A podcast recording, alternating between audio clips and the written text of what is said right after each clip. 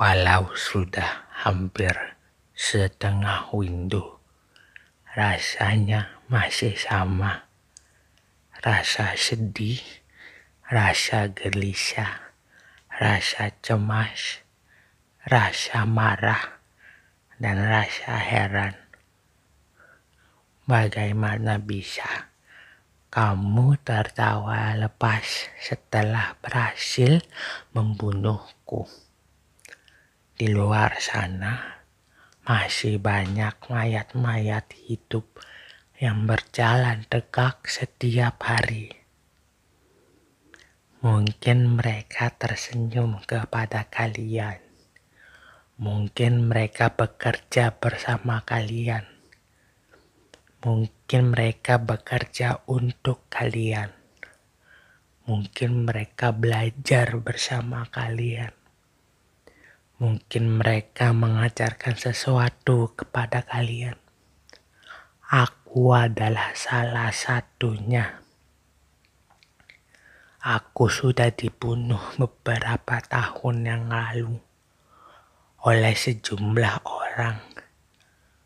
Beberapa di antaranya bahkan tidak ku kenal. Beberapa di antaranya bahkan tidak mengenalku. Izinkan aku menyampaikan kepada mereka yang tak mengenalku, tapi ikut membunuhku. Untuk kalian,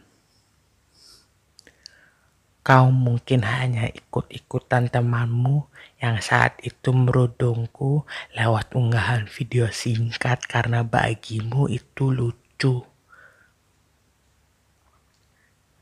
Atau kau mungkin tidak enak menolak ajakan temanmu untuk ikut merudungku. Tapi asal kau tahu rasa gelimu atau rasa tak enakmu atau bahkan alasanmu telah merubahmu menjadi seorang pembunuh.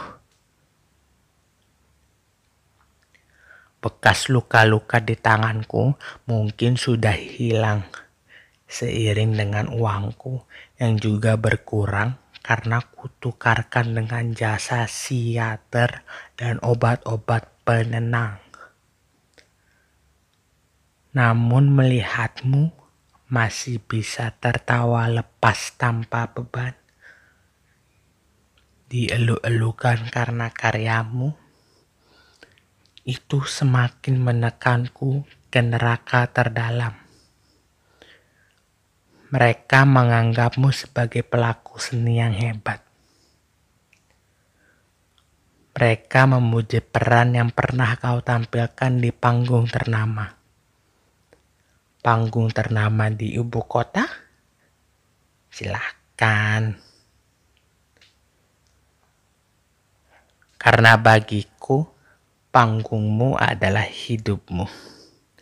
Tempatmu berkarya tempatmu mencapai mimpi, tempatmu menjalin relasi, tempatmu bahagia, tempatmu dicintai, dan tempatmu mencintai.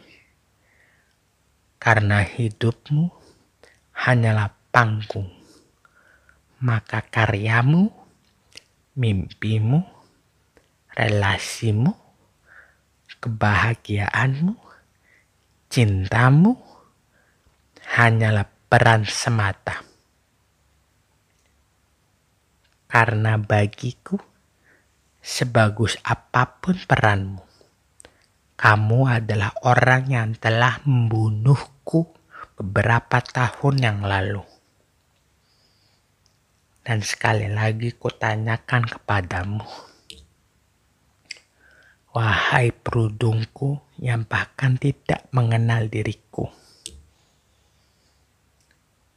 Bagaimana bisa kamu tertawa lepas setelah berhasil membunuhku? Hmm.